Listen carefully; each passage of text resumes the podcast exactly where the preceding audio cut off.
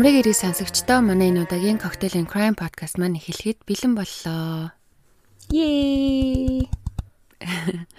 За уламжлалт ёсоор дугаартаа орохоос өмнө сануулга хэлье. А манай подкаст насан туршидтэд зориулсан бөгөөд ер нь гемт хэргийн деталлуудыг ярьдаг учраас юмнаас амархан айдаг хүмүүс бараг сонсоод хэрэггүй шүү гэж зөвлөдөг байгаа. А за тэгээд өнөөдөр манай дулмаагийн ээлж тэгээд дулмаа маань коктейлнаас эхлээд ярих уу? За тэгье да. Энэ удаагийн коктейлороо Malibu Mistress гэдэг коктейлийг сонгосон байгаа. Хийхэд маш амархан. Coconut rum буюу одоо сонсогчд мэддэг байх Malibu rum гэдэг дээ шүү. Тэрийг Midori гээд ногоон өнгөтэй мелоны ликертэй тэгээ баг зэргийн хам борцсон жуустай хойлол болоо.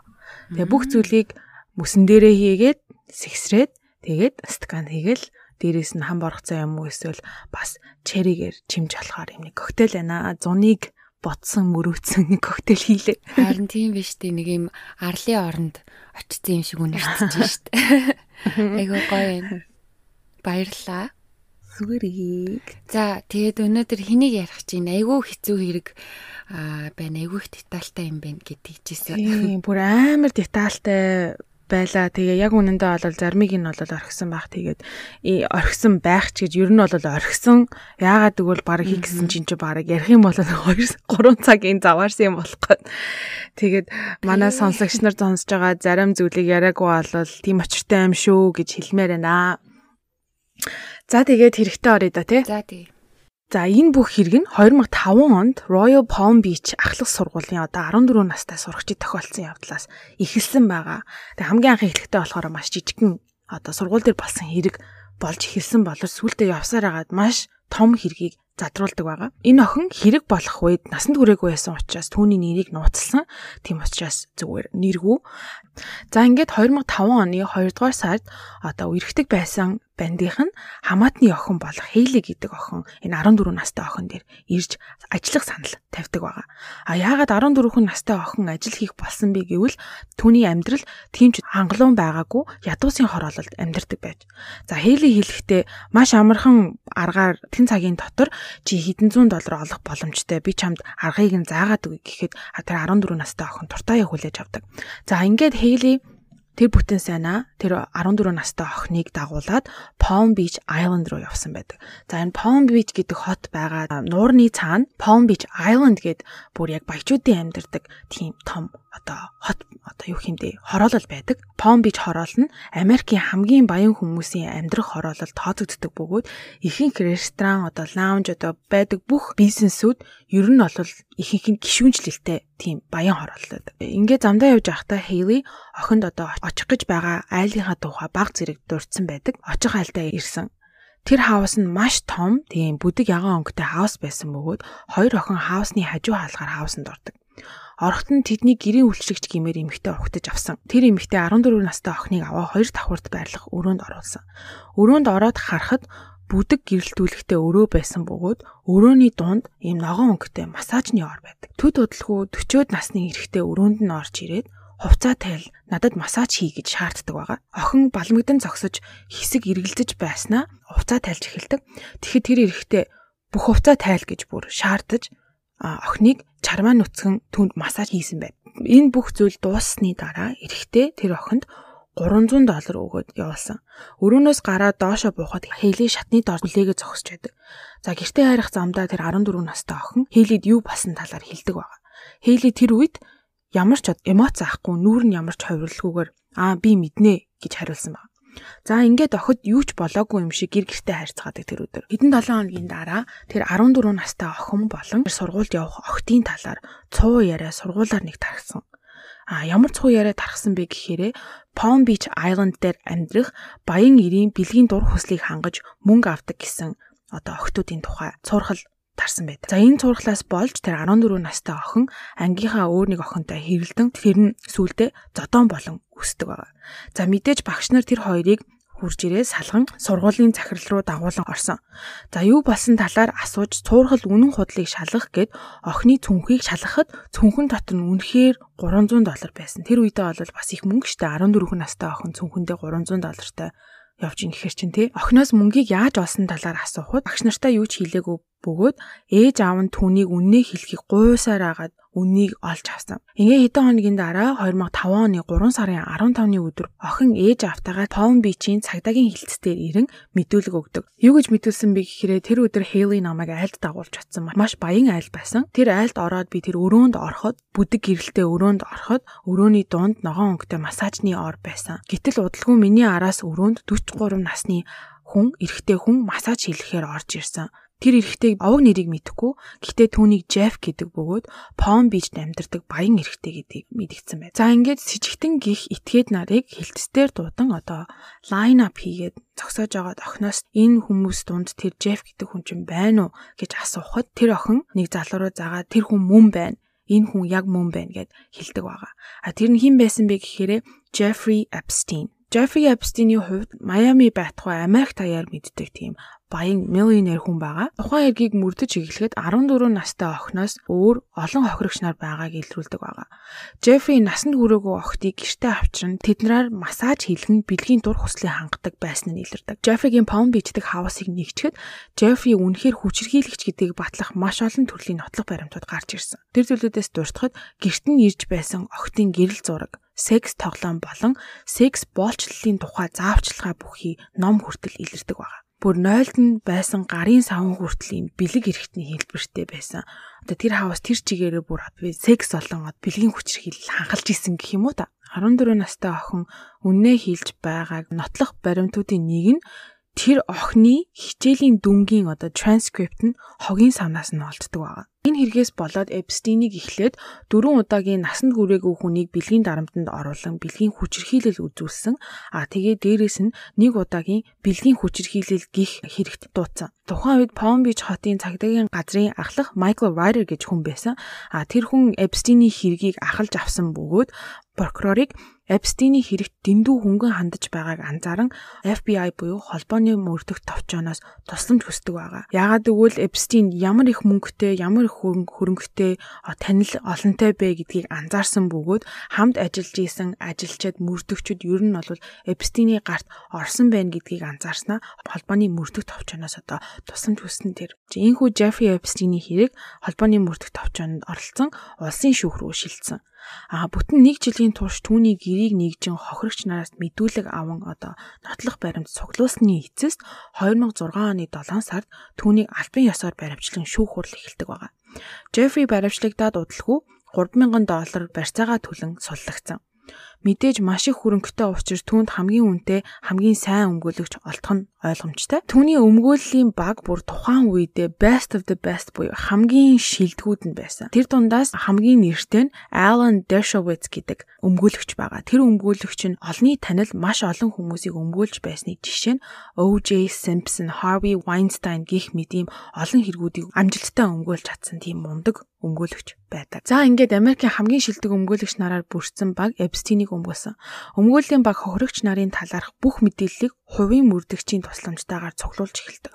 Бүр охтын MySpace дээр тавигдсан постнууд те энэ охтууд ер нь хаар таймах, айрах одоо бузар босромог асуудалд оролж исэн байна уу, холбогдож исэн байна уу гэдгийг бүр бүгдээрингийн хувийн мөрдөгчөөр олж авсан байд. Шүүхийн тахимд энэ октод ийм л юм хийж явдаг гэсэн байдлаар өөрийгөө өмгөөлөх гэж оролцсон оролдлого. Ийхүү явсаар 2008 онд Epstein болон түүний хамсаатангууд нэр хүнд хөрөнгийнхөө ачаар маш баг ял хүртдэг байгаа. Яг албан ёсны шүүх хурал бол хизээж болоогүй. NPA буюу Non-Persecution Agreement орчуулах юм бол ял илэхгүйгээр гэрээ байгуулах гэсэн зүйл болдог. За ийм шийдэлд хүрэх болсон шалтгаан нь Эпстиний нэр нөлөө, түүний хөрөнгө. Тэнд хүрээгүй охтуудыг бэлгийн хүчирхийлэлд оруулсны дараа хүрсэн ял нь нэг жил хагас хоригдож sex offender буюу одоо бэлгийн хүчирхийлэгчийн бүртгэлд орон холбооны мөрдөх тавчаагийн олж илрүүлсэн 36 хохирогчийн хохирлыг барагдуулах. Бодод үзтээ 14 настай нэг охин хэрэгт дуутахад цаана нь 36 хохирогч гарч ирсэн. Яг өөртөө адилхан дандаа насанд хүрээгүй 14-өөс 16 насны хоорондох тийм охтууд маш олноороо гарч ирсэн байна. 2008 онд 20 ангид ордог. Тэгээ ихэнх бэлгийн хүч хилэгч нар можийн хүнд дэглэмтэй хорих руу явдаг бол Эпстин Palm Beach хот дотор байрлах тийм тусгай хориход баярлж исэн. Тусгай хорих гингууд жоо хүнд сонсогдож байгаад гисэн идэж үгүй бүр яг эсэргээрээ Эпстиний хувьд 7 хоногийн 6 өдөр өдрийн 12 цагаар чөлөөтэй гадуур явах боломжтой. Шоронд хоригдоод байгаа хүн штэ энэ чинь. Камер нь хизээж төгжээтэй байдаггүй. Хүссэн үедээ гарч ордог.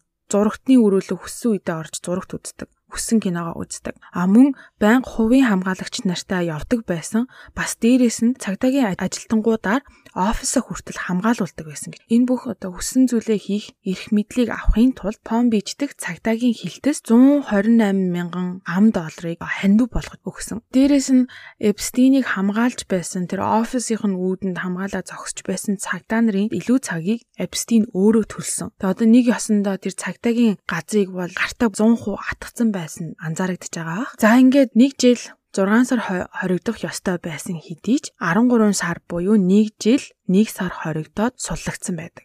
Тэгээ 13 сар хоригдохдоо оройн ундах гэж л хорих камертаа ирдэг. Эпстиний хийдэг байсан зүйл нь ажилдаа явах, эрүүл мэндийнхэн төлөө салхилж гин гэд гадуур алхаж шопинг хийх, ресторан хийсэх байсан гэж аахгүй. Тэгээ ер нь ингээ ботход хичнээн хэрэг ял идлээд байгаа юм шиг мөртлөө ер нь бол амьдралд нь бол нэг амар өөрчлөлт гараагүй байд. Тэгээ 2009 онд албан ёсоор суллагдсныхаа дараа нэг жилийн турш гэрийн хорионд орох ёстой байсан хэдий ч бас л мөнгөний хүчээр тэр дураараа амьдарч чадсан. Нью-Йорк мужийн хуулиар бол sex offender-ууд тэмдэглэгдсэн бэлгийн хүч хийлэгч нар 90 хоног болгон одоо 3 сар болгон хилтсээр ирж репорт өгөх ёстой. Хэрвээ 3 сар болгон хурж ирж репорт өгөөгүй тохиолдолд тэр хэрэгтэн олон жилээр хорих тийм хуультай байдаг. Гисэн хэдий Эпстин шоронгоос сулагдснаасаа хойш ганц ч удаа хилтсээр очиж репорт өгөөгүй. Угаасаа мөнгөтэй болохоор түүнд хууль үйлчлээгүй. Тэгээ яг Jeffrey Epstein гэж хин бэ? Хэрхэн баян болсон талаар хальт ярилцъя. Түүний бүтэн нэрийг Jeffrey Edward Epstein гэдэг 1953 оны 1 сарын 20-нд Нью-Йорк хотын Бруклин хороололд төрж өссөн еврей гаралтай нэгэн. Түүний ээж нь туслах багшаар тал цагаар ажилладаг байсан бөгөөд ихэнх цагийг гэртээ хүүхдүүдэд харж өнгөрөөдөг байсан. Түүний эцэг нь Нью-Йорк хотын цэцэрлэгжүүлэлтийн хилтэст цэцэрлэгчээр ажилладаг байсан. Джеффри доороо эрэгтэй нэг дүүтэй байсан бөгөөд ер нь энгийн нэгэн ажилчин гэр бүлээс гаралтай. Түүний бага нас гэх юм бол нэг амир тийм онц гойд байгаагүй. Ээж нь ажиллаа хийдэг, аав нь ажиллаа хийдэг.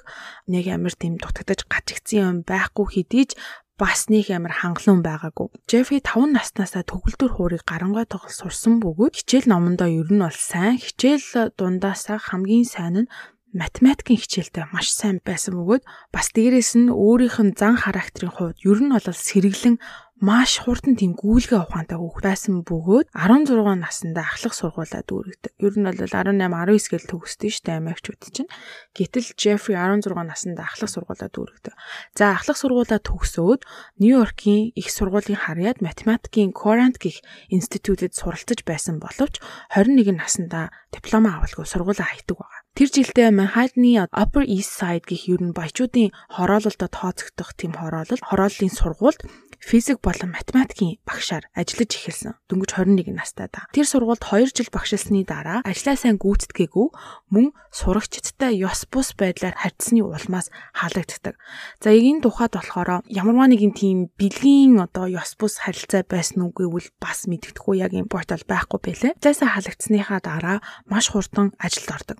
А яаж вэ гэхээр багшилж байх хугацаанд түүний сурагч байсан Лин гих охины эцэгтэй дотн харилцаа үүсгэсэн. А яагаад заавал тэр охины эцэгтэй дотн харилцаа үүсгэх болсон бэ гэхээр аав нь Bear Stearns гих олон улсын хөрөнгө оруулалтын компани том нийтэнд ажилладаг байсан хүн байгаа. Тэгээ нэг ёсондоо яг хин бэ гэдгийг мэдэнгуудаа дараагийнхаа одоо юу хийндэ нүхэ малтаад тэр хүнтэй дотн харьцаа үүсгдэг байгаа. Ийхүү 76 онд ажилд орохдоо junior assistant буюу одоо баг туслахын туслахаар ажилд орж байсан хэдий ч дөрвөн жилийн дотор тэр түнш олж чадсан. За тэгээ тэнд ажиллаж явах хугацаанд Epstein өөрийн одоо консалтинг компанийг үүсгэн байгуулж одоо луйрт мөнгө алдсан хүмүүс зөвлөгөө өгч эхэлдэг. Тухайн үед Epstein Австрийн паспорттай байсан бөгөөд энэ тэр паспортын дээр нь өөрийнх нь зураг нь байгаа мөртлөө түүний нэр төрсэн он сар өдөр нь шал ондоо байсан. А тэгээ тэрийг хүмүүст хэлэхдээ би тагнуулч юм а тийм болохоор илүү паспорттай байгаа гэж тайлбарладаг байсан ба. За тэгээ өөрийн компанийг үүсгэн байгуулснараа ер нь бол маш олон хүмүүстэй холбоо тогтоож хөрөнгө оруулалтын бизнест хүл тавьсан. Яг энэ Epstein-ийн оргилд хүрсэн түүх бараг өөр нэг юм дугаар болохоор маш их детальтай. А гэхдээ манай подкаст санхүүгийн бус Ким тэргийн подкаст учир ингээд товчлоод ярьчлаа. Гараагаа 76 онд хэлсэн бөгөөд математик болон санхүүгийн тал дээр маш их мэдлэгтэй бас дээрээс нь маш гүйлгээ ухаантай нэгэн байснаар Америкийн гэлтгүү одоо дэлхийд даяар үйл хөдлөх хөрөнгөтэй олон данстай тийм саятан санхүүч болж чадсан. Бичнээн маш их хөрөнгөтэй хаашаач хүссэн газар руугаа явж болно, хүссэн хүссэн зүйлээ авч идэлж хэрэглэж өмсөж зүгд болно гэсэн хэдийж нөгөө хэлдэж штэ money can't buy happiness гэдэг мөнгөөр аз жаргалыг худалдаж авч чадахгүйгээ тэрэн шиг одоо Epstein-ийн хувьд бол аз жаргал нь хүссэн цагтаа аялаж хамгийн гой сайхныг өмсөж идэх байгаагүй. А харин насанд хүрээгүй охтуудыг боолчлох байсан. 2006 онд 14 настай охины хэрэг илрээд 2009 он идэх ёстой ялаа идлээд гараад ирсэн байгаа тий. Гэтэл яагаад сүүлийн хэдэн жил одоо 18 оноос эхлээд энэ хүний хэрэг одоо олонний анхааралд гарч ирвэ. Тэрний учир нь Julie Brown гих Miami Herald сонинд ажиллах, эрен сурвалжлах сэтгүүлч байгаа. Тэр эмэгтэй бэлгийн хүчирхийллийн талаар ер нь бол судалж хэвлэл гаргая гэж одоо эрен сурвалжиж эхэлсэн байдаг. Нэг юм сонирхолтой сэдв болоод авчхаар бүр судлаад бүх талыг нь хармаар ухмаар санагддаг штэ тий. Тэрэн шиг Julie одоо энэ бэлгийн хүчирхийллээс эхлээд явсаар явсаар агаад sex traffic буюу одоо хүний наймааны талаар сонирхолж судалж эхэлдэг. За ингээд судалгаа хийж эхлэхэд түүний гол дүр болохоор Jeffrey Epstein байсан бөгөөд түүнтэй холбоотой гол дүрүүдийн нэг болох Александр Акоста гэж бас гарч ирдэг. Александр Акоста гэж хэн бэ гэхээр 17 оноос 19 оны хооронд ерөнхийлөгч Трампын доор хөдөлмөрийн яамны дараагаар ажиллаж байсан бөгөөд 17 онд confirmation буюу тухайн зэргийг хүлээж авахаас өмнө өгөх тийм ярилцах шиг юм болдог гинэ. Тэр Александр гэдэг хүний тэр ярилцсан дээр Эпстиний нэр дурддагддаг. А яагаад Эпстиний нэр гинт тэр хүний түүхэнд дурддагддаг вэ гэхээрээ Александр Акостон Америк улсын харьяад одоо Флорида мужийн прокуророор ажиллаж исэн байгаа байхгүй юу. Тэгээ нөгөө 2008 онд Эпстиний хэрэг гарахад FBI оролцоод улсын прокуророо одоо шилжсэн штэ. Тэгэхэд Эпстиний хэргийг Александр Акоста гэдэг хүн хүлээж авсан FBI-ийг төлөөлөн. Одоо 17 онд Александраас юу гэж асуусан бэ гэхээр Эпстиний хэрэг маш хөнгөн өнгөрсөн. Тэр явдал чиний оролцоо байгаа гэдэг үнэн үү? Хэрвээ байгаа бол чиний оролцоо хэрэг байсан бэ гих мэтэр лавлсан хэдий ч Александр хэлэхдээ тухайн үед надад дээрээс тушаал ирсэн. Тэд нар хэлэхдээ Эпстин нь тагнуулын газартай холбоотой хүн хамаагүй оролдож болохгүй гэж хэлсэн.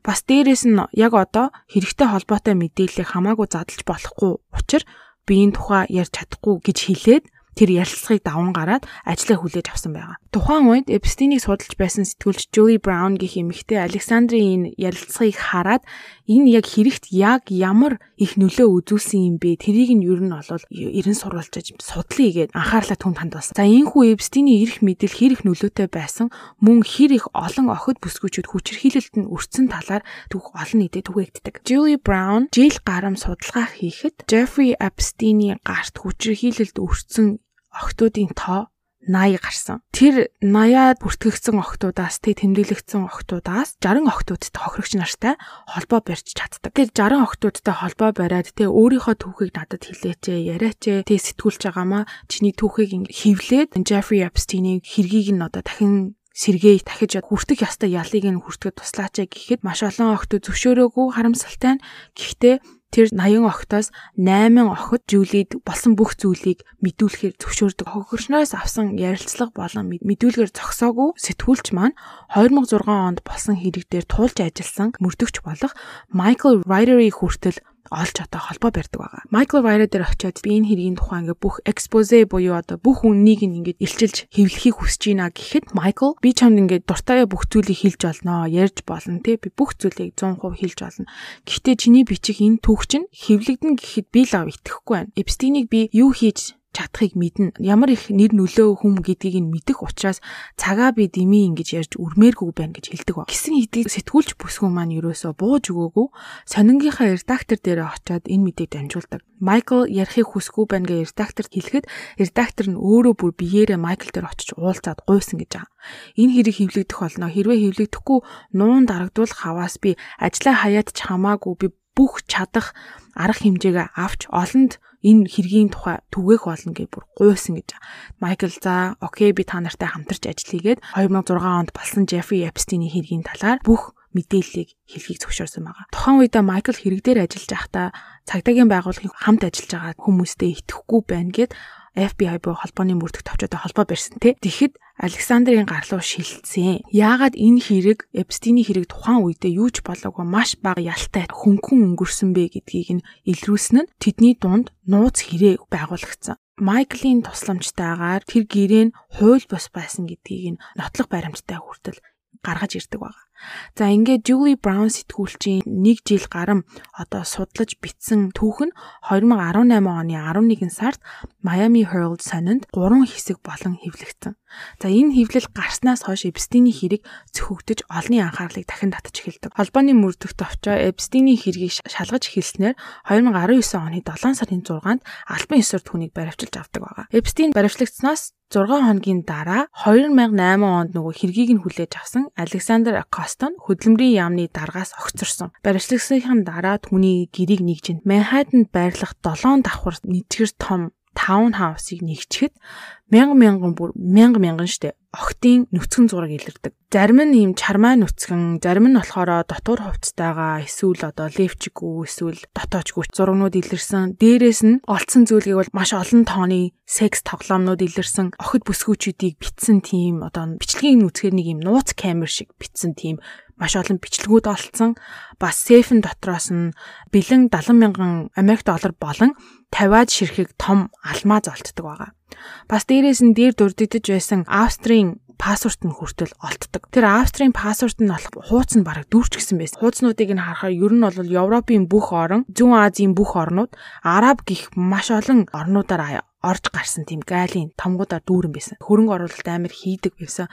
Бас Эпстиний нэг оролддог байсан зүйл нь болохоор гар бүү зевсгийн худалдаа. Тийм ч учраас Араб болон маш олон тийм дундад Азиудын орнуудаар аялан явдаг байсан. За ингээд хэрэг олонний анхаарлыг татахад маш олон эмэгтэйчүүд зоригтойгоор өөрт тохиолдсон явдлуудыг мэдүүлдэг байгаа. Эпстиний энэ гаж бэлгийн хүсэл нь 2006 оноос биш бүр 90-ад оноос эхэлсэн гэдэг нь илэрдэг. Maria болон Annie Farmer гэх эгч дүүс Эпстиний хүчрэх хийлэлд 90 онд орж исэн гэдгээ мэдүүлдэг байгаа. Тэгээ юу болсон бэ гэхээр 93 онд Maria Farmer гих зураач бол одоо болох хүсэлтэй тийм мөрөөдөлтэй бүсгүй Нью-Йорк хотыг зорж урлагийн сургууль илсэн. А түүнийг төгсдөг жил Jeffrey Epstein болон түүний найз бүсгүй Ghislaine Maxwell гих хос бүх зургийг нь худалдан авдаг. Дөнгөж төгсөж байгаа оюутанд гэтэл амар баян хос хурж ирэнгуудаа бүх зургийг нь бүр хэдэн мянган доллараар ингээ худалдаад авахар чинь бас мэдээж түүний анхаарлыг татна. Тэр хоёр хос бүсгүйн зургийг яагаад худалдаж авсан бэ гэхээр Мариагийн зурах стил нь маш их таалагдсан учраас дэмжиж одоо нөлөө бүхий хүмүүстэй танилцуулахыг амладаг байгаа. Ghislaine Maxwell гэж хэн бэ гэхээр Jeffrey Epstein-ийн найз бүсгүй англи гаралтай эмэгтэй бөгөөд түүний эцэг нь маш том хэвлэлийн компанитай баян хүн байсан. Ghislaine 1991 онд аавыгаа нас орсны дараа Нью-Йорк хот руу нүүж ирэн суурьсан бөгөөд удалгүй Jeffrey Epstein-тэй танилцсан дотн харилцаа үүсгэсэн байдаг. Кичнээн хосууд гэж явдаг байсан хэдий ч тэр хоёр заримдаа яг найз юм шиг заримдаа яг хос юм шиг тэр хоёр хоёулаа open relationship буюу одоо хүссэн хүмүүстэйгээ уулздаг өрмөт relationshipтэй байсан баян чинэлэг хоёр хас хурж ирээд Мариагийн бүх зургийг нь худалдаж авсныхаа дараа нэг санал болгосон зүйл нь болохоор бит хоёрын одоо хувийн зураачаар ажиллаач ээ. Бит хоёрыг ингээ зурсан зураг худалдаж авахд зөвлөгч болон ажиллаач гэдэг саналыг тавьсан байд. Одоо маш гайхалтай санагдсан учраас Мария шууд зөвшөөрсөн. Бас дээрэс нь одоо зүгээр ажил олгооч зогсоогүй. Чи манай гэрт амьдарч олно би угаасаа гэртээ бараг байдаггүй. Чамд ч ихсэндээ мөнгө гартах шаардлага байхгүй гэд. Тэгэхэд Мария зөвшөөрөөд гэрт нь амьдарч эхэлсэн. Ингээд Мария Эпстин Гилейний гэрт амьдарч эхэлсэн бөгөөд дүүгээ хүртэл зуны амралтаараа авчирдаг байсан. За Мариагийн дүү нь болохоор тухайн үед 16 настай байхад Эпстин exchange student маягаар Таиланд руу явуулах санал тавьдаг байгаа. Таиланд явахаасаа өмнө Нью Мексикод мужид байх Эпстиний эдлэн газарт амралтын өдрүүдийг өнгөрөх болдог. А тухайн үед тэр Мария Анигийн ээж нь бодохдоо өөр олон сурагчид хамт явна гэсэн болохоор нөх юм бодоагүй охиноо явахыг зөвшөөрсөн. Тэгээ 16 настай Ани Эпстин Гилейний эдлэн газар руу ирдэг бөгөөд сонин санагдсан зүйл нь очиход Ани гав ганцаархнаа байсан нөгөө хоёр чинь тэг ингээ хүүхдүүд ирж байгаа exchange-ийн програмд явуулж байгаа гэсэн мөртлөө Энигаас өөр хүн байгаа үед амар гайхсан гэж аа. А гэхдээ өөрөө тухайн үедээ жоохон байсан болохоор юу ч хэлж чадаагүй өнгөрдөг. Тэр 7 хоногт Ghislaine Epstein хоёртой байхад Epstein миний хөлөнд массаж хийж өг гэж хүсдэг байгаа. Дээрээс нь Ghislaine Энигаас асуухтаа чи бас өөрөө массаж хийхийг хүсэж гин үү гэж удаа дараа асуудаг. Эни байн байн асуугаад ахаар нь за хийх ёстой болов ийм их боломж олгоод гад намайг одоо гадаад явуулах гэж байгаа хүмүүс тэгэхэд би ингээд нэг юм юм ингээд асуухаар нь дандаа өөдөөс нь үгүй үгүй гэдэг ах чи муухай ингэж бодоод окей би массаж хийдгийг зөвшөөрсөн. Массаж хийлэхэд охиныг хувцас тайлан массажны ор хөвтүүлдэг бөгөөд Ghislaine охинд баг багаар массаж хийж эхлээд дээр нь ингээд тавьсан байсан альчуурыг буулгаж хөхөнд нь ёс бусаар хүүхдээ хурж эхэлсэн массаж хийж. Тэр үед Эпстин гар бие оролцоогүй ч гэсэндээ юу болж байгааг одоо харан таашаал аван зогсож исэн. Тэр үед 16 настай дүү Энид юу болсныг мдээгүй байсан. Эгч нь Мария охоён мужид байрлаж байсан тухайн үедээ.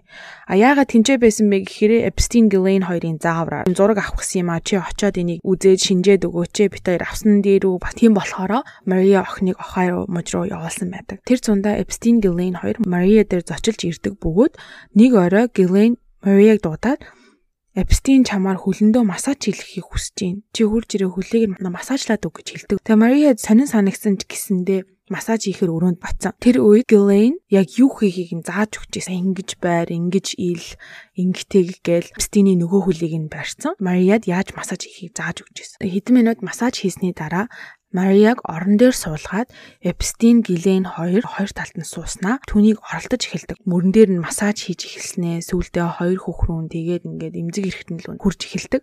Тэгээ Мария тухайн үедээ бодохдоо өөрийгөө ингээд ер нь бол хүчндүүлэх гэж гэж ойлгоод өрөөнөөс зүхтаан гарч өөрийнхөө байрлаж байсан өрөөнд орон хаалгаад өгчдөг. Тэр үедээ сандарсандаа гэр бүл найз нөхөд гээд бараг бүх хүмүүс рүү залгахад аав нь одоо Аз болж Ohio мужийн хажууханд байх Kentucky гэдэг мужид амьдардаг байсан бөгөөд аав нь охиноо хүрчээж авсан ба. Maria явхаас өмнө өөрийнхөө эд хогшлыг цуглуулж байхдаа анзаарсныг зүйл нь түүний авсан зарим зурагнууд нь алга болчихсон байсан.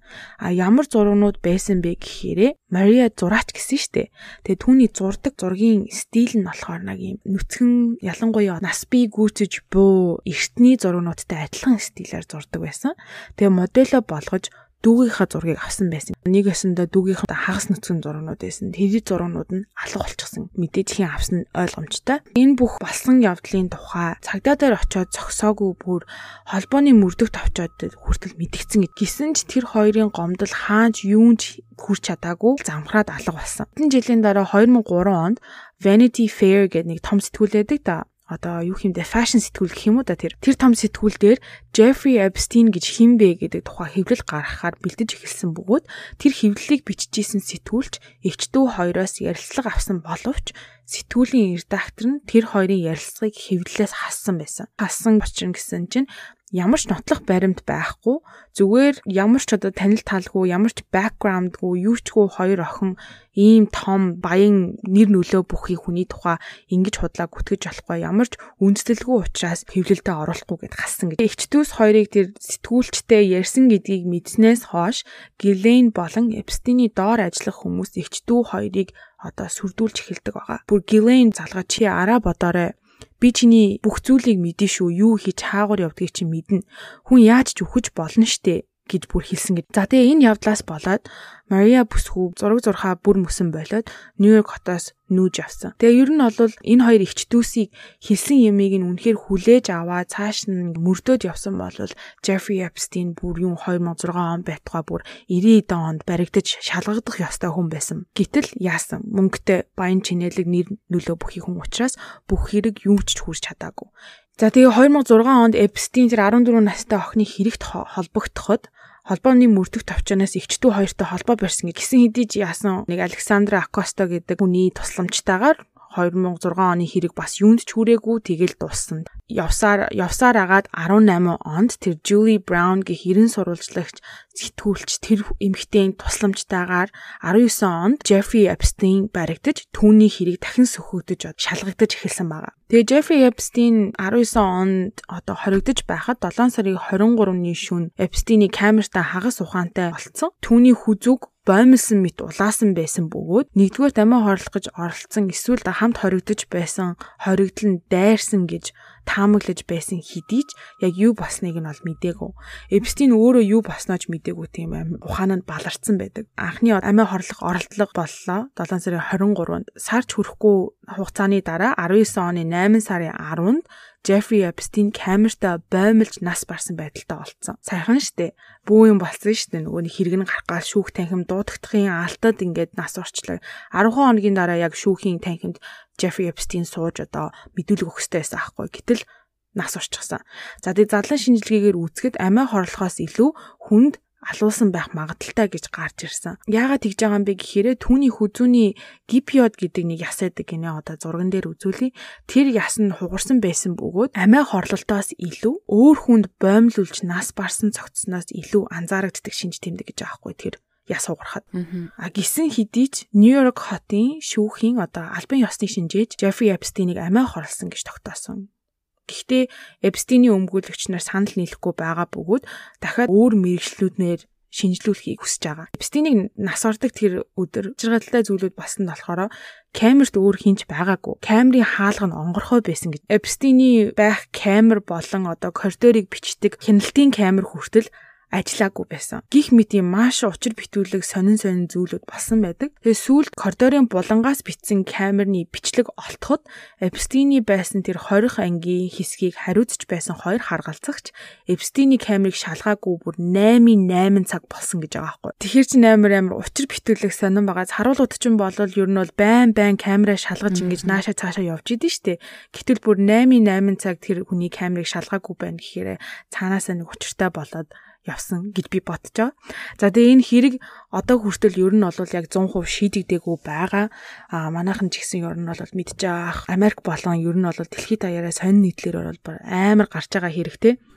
Энэ хэрэгтэй Эпстинтэй холбоотой сонирхолтой зүйлүүд гэхвэл Эпстиний гэрээс олцсон нэг нь нэг юм нь Эпстиний Black Book гэж байгаа хар ном. Тэр хар ном нь болохоор 92 хуудастай дэвтэр бөгөөд ер нь бол бидний мэдих маш олон тийм олонний танил хүмүүсийн нэр дугаарууд байгаа. Тэр Black Book байгаа хүмүүсийн одоо жишээ нь гэх юм бол бидрээс ямар Америкийн ерөнхийлөгч байсан Donald Trump. Тэгээ Trump-ийн гэр бүлийнхэн хүмүүсийн утасны дугаар, хувийн хамгаалалтын багийн дугаар одоо урд нь ерөнхийлөгч байсан Кеннеди вэ штэ. Кеннедигийн гэр бүлийн хүмүүсийн утасны дугаар, Нью Йорк хотын захирагч одоо Эндрю Кумогийн дугаар үлдээ бүр ингээд жүжигчд болоод явцсан. Alec Baldwin саяхан нөгөө нэг хэрэг гарсан штэ. Зур кино зураг авалтан дээр явж агаад хүм будаад харамсалтайгаар нас орсон тэр жүжигчний хүртэл дугаар дуучин Mick Jagger, Elizabeth Hurley, Courtney Love бүр амар тийм нэртэй нэртэй хүмүүсийн дугаар гарч ирсэн гэдэг.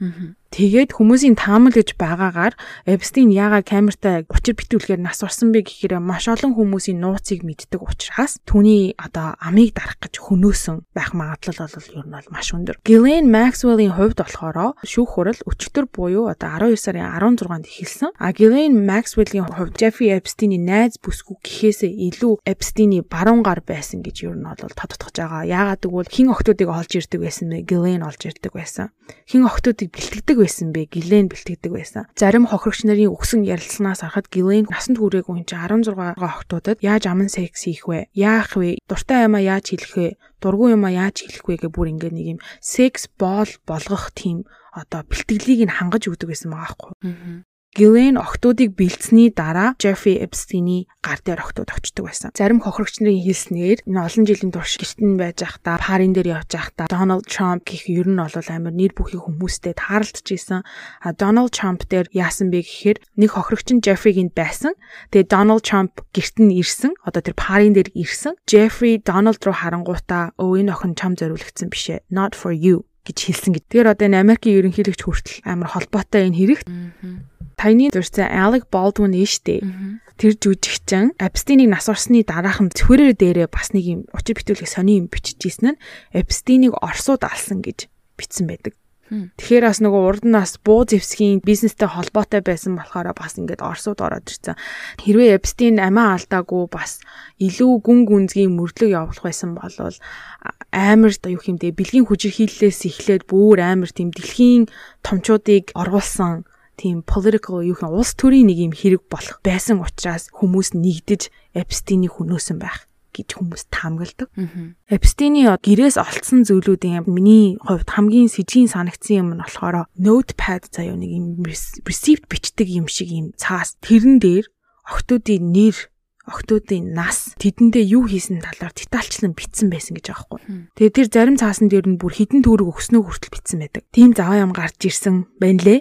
Джеффри болон Гилэни гарт орсон хогчч нар ер нь бол бүгдээрээ ихэнхдээ санхүүгийн бэрхшээлтэй айлаас гаралтай хүүхдүүд байсан. Тэрэн дээр нь дөрүүлэн гутаа мөнгө өгье, чамайг сургуульд явуулъя, хүссэн сургуульд чинь явуулъя. Чи тэнцээ амьдрах шаардлага байхгүй, манай гэрт амьдр Тэгэл өрөөндөө байлгадаг байлгадаг хүссэн газар руу нь явуулдаг хүссэн мөнгийг нөгдөг ингэдэг тэгдэг бүх юм нь байдаг. Яг энэ хэргийг болохоор Pound Beach дээр болсон явдлаас нь одоо юу хиймдээ эхлээд ярьлаа. Гэхдээ Jeffrey Epstein ч бүр Карибын тэнгист бүр хувийн аралтай хүн тэр арал дээр бүр амар юм болж исэн гэдэг бол мэдээллүүд бол зөндөө гарч ирдэг. Ихэнх охтууд ер нь бол тийшээ очдөг байсан. Jeffrey Epstein хувийн арал дээрээ private party тэг хувийн паринууд зохион байгуулдаг.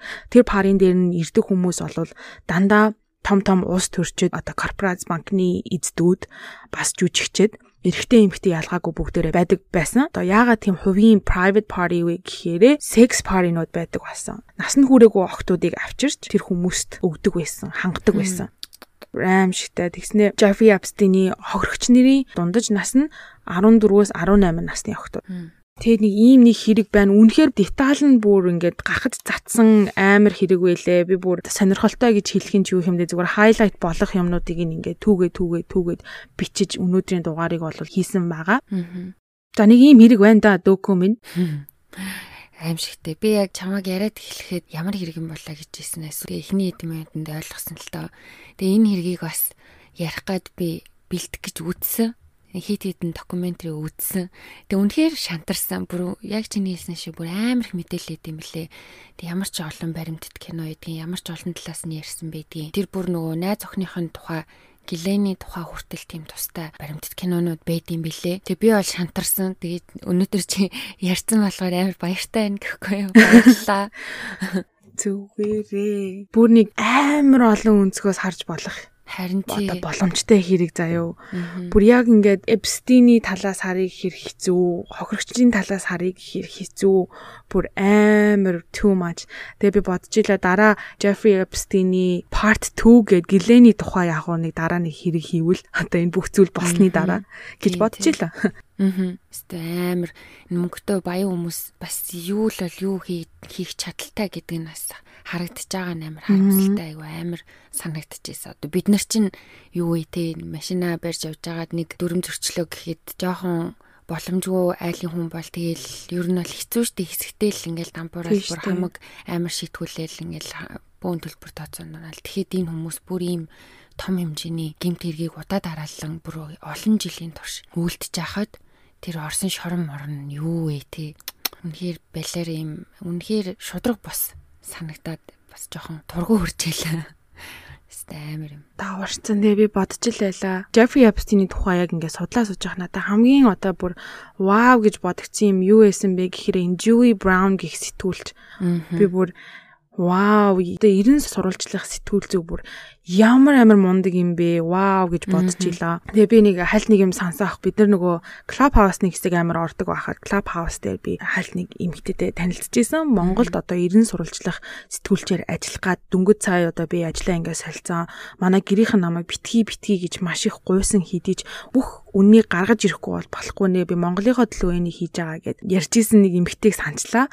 Тэгээ би одоо бодсон чинь бүр вау ямар амар зориг шаардсан ямар амар мундаг мэрэгжил вэ. Энэ 18 оны Julie Brown гэдэг эмэгтэй Epstein-ийг барьж аваад одоо судлаад энэ хөвлийг гаргаагүй байсан бол бас хэдэн жилд явах байсан юм билэ. Тийм үстэй. Аа. Бүр амар гайхалтай санагдчихлаа. Харин тийм өстой маш хэрэгтэй мэрэгжил байгаа шүү тий. Бас амар маш их зөрөгтэй хүний л хийх ажил юм шүү. Тийм штэ. Энд чинь тэгээд яг ийм томчуудын хэрэг мэрийг бариад авцсан байхад янз янзын юм гарч ирдэг байлгүй тий. Болиулахын тулд Тэгэл мөнгө төгрөгөөр худалдаж авах гэж үзэн сүрдүүлчих үзэх бах та. Тэгээд энэ болгоныг анжирахгүй ингээд зоригтой хурж ийн гэхээр үнэхээр мундаг юм ихтэй. Харин Джеффри ч одоо нөгөө амиа орлсон гэд би усаар хаацсан баа штт тий. Өөрийнх нь нас оролтын шалтгааны. Тэгээ хүмүүс бол угаасаа энэ бол амиа орлолт ягаад ч биш л гэж үздэг юм билий те. Шорон дахтаа өөрийгөө хамгаалуулах гэж хамгаалагчийн тэр мөнгө төлж исэн гэхээр ямар ч амиа орлох хүсэлтэй хүн тэгж өөрийгөө хамгаалуулах гэж мөнгө төлөхгүй л ах. Дээрээс нь одоо тэр камер нь ажиллаагүй л гин харгалзагч нар нь унтчихсэн л гин одоо юу гэсэн юм. Тэрхий олон тийм юунууд давхцсан гэх юм уу. Ямар хачиргалтай фактууд байгаа зү ямар ч тийм come on арайчтэй юу гэж азгүй азгүй гэхэд тийм амар азгүй бахтай тийм тий. Тэгээд сүүлд 19 онд ороод хоригдож авах хорих ангид байсан бүх хоригдлуудын дансанд байнга мөнгө шилжүүлдэг гэсэн гэж аахгүй. Яагаад гэвэл хадлаганд өртгийг хүсээгүй. Тийм гэхээр чин аминдаа бол хайртай байсан баахгүй тий. Одоо тэгээд энэ найз охин гэдэг аа хүүхнийх нь хэргийг бас яаж хийдэг тийм баа. Бас айгүй муухай юм аа. Нөгөө эмгтэй хүн бийжиж тий өөрийнхөө хүүхчийг тийм жоох хүүхдүүдийг ингэж гар ийм балер гаж донтой хүний гар хөлн болж олж ирж байна. Тэрэндээ өөрөө ч гэсэн дуртай юм хайшин гаж донтой юм. Тэр сүлд ярьжсэн нөгөө эгчтүү хоёрын эгчин нээштэй Мария гэдэг эмэгтэй. Тэр эмэгтэй Гилейн Эбстин хоёр нийлж одоо хүчрхийлж байхдаа хөхийг нь бүр амар оролдоод хөхнийхээ толгойд бүр тэр чигээрээ хөхөрсөн байсан гэсэн. Тэгэж амиг хөхөртөл нь оролдоо. Тэгээ тэрнээс хойш Мария сүлд ярилцлаганд хэлэхдээ өөрийнхөө биеийг ер нь жоохон ингээд харж чадахгүй сэжиг үрээд үзий яддаг болсон ч юм уу те тийм сэтгэл төрж эхэлсэн тэрнээсээ болоод бүр хөхөө жижигрүүлэх мис засалд хүртэл орсон гэж байна. Хүмүүсийн анхаарлын төвд байхыг хүсэхгүй байна. Одны хөх хүмүүсийн анхаарлыг татчих вэ гэдгээс айгаад өөрийгөө хүртэл тэгэж амар өөрчлөсөн гэж байгаа байхгүй. Амар. Тэгээ одоо энэ бэлгийн хүчирхийлэл хохирогч нарын одоо бие мах бодоос илүү бас энэ сэтгэл зүйд ямар их нөлөө үзүүлдгийг бол харуулж байгаа. Үнэхээр харамсалтай. Ядж байгаа бүгдээрээ ийм өсвөр насны охтууд байсан. Одоо тэгээ тэр охтууд ямар зүйн асуудалтай амьдарч явж байгааг бол бид нар бол мэдшгүй. Үнэхээр харамсалтай байгаа. Харин одоо тэгэл яг энэ хүчирхийлэгчд нар нь бүгдээрээ зургатаар гараал ингээл кейс нь дахиж хөөгдөөл те явсан газар болгоно нь энэ балеримных нь нүүр царайн гарч ирээд тахаар энэ болгон чинь бас амар дарамтолж байгаа л та. Зүү юм аа нэр.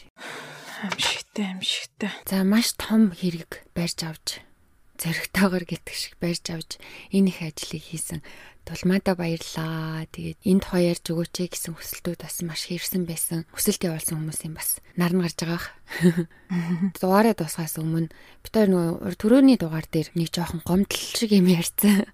Тэгээд тэрэн дээр манай сонсогч нар бүгдээрээ амар битэрийг нэлээд гомдсон байна гэж ойлгоснаас тайвшруулах гэж айгүй гой гой мессежүүдийг явуулсан бэлээ. Тэгээд бүгдээрэнд нь маш их баярлалаа. Битэр ер нь бол нэг тэгж гомдсон ч юм уу шантарсан ч юм уу тийм юм бол байхгүй шүү. Зүгээр л дандаа дуугаа агаад ийсэн болохоор нэг удаа хэлчихье гэж утсан. Цааштай ч гэсэн битэр ингээд тэр чи алдахгүй явах болно. Бүгдээрнгийнх нь одоо дэмжиж явдагт нь бас маш их баярлалаа урмын бас гой гой өгнүүд явуулсанд баярлалаа гэж хэлмээр байна. Баярлалаа. За тэгээд манай энэ дугаарыг энэ хүртэл сонссон хүн юм байдаг лээд болмаа. MVP. Ээ. Ээ. Ячвасаа. Ячвасаа. За бүх MVP нартаа маш их баярлалаа. Тэгээд бас энэ далмаар хүлээлгийн өрөөний хоёр өсгүүдээ баярлалаа гэж хэлье. Бид дөрөв бас нэг дугаар хийсэн байгаа. Тэгээ сонсч амжаагүй хүмүүс нь хүлээлийн өрөөний хууц руу орж сонсоорой. Сонирхолтой сэдв ярьсан байгаа шүү. Аа. За тэгээд дараа дараагийн дугаар хүртэл төр баяртай. Баяр.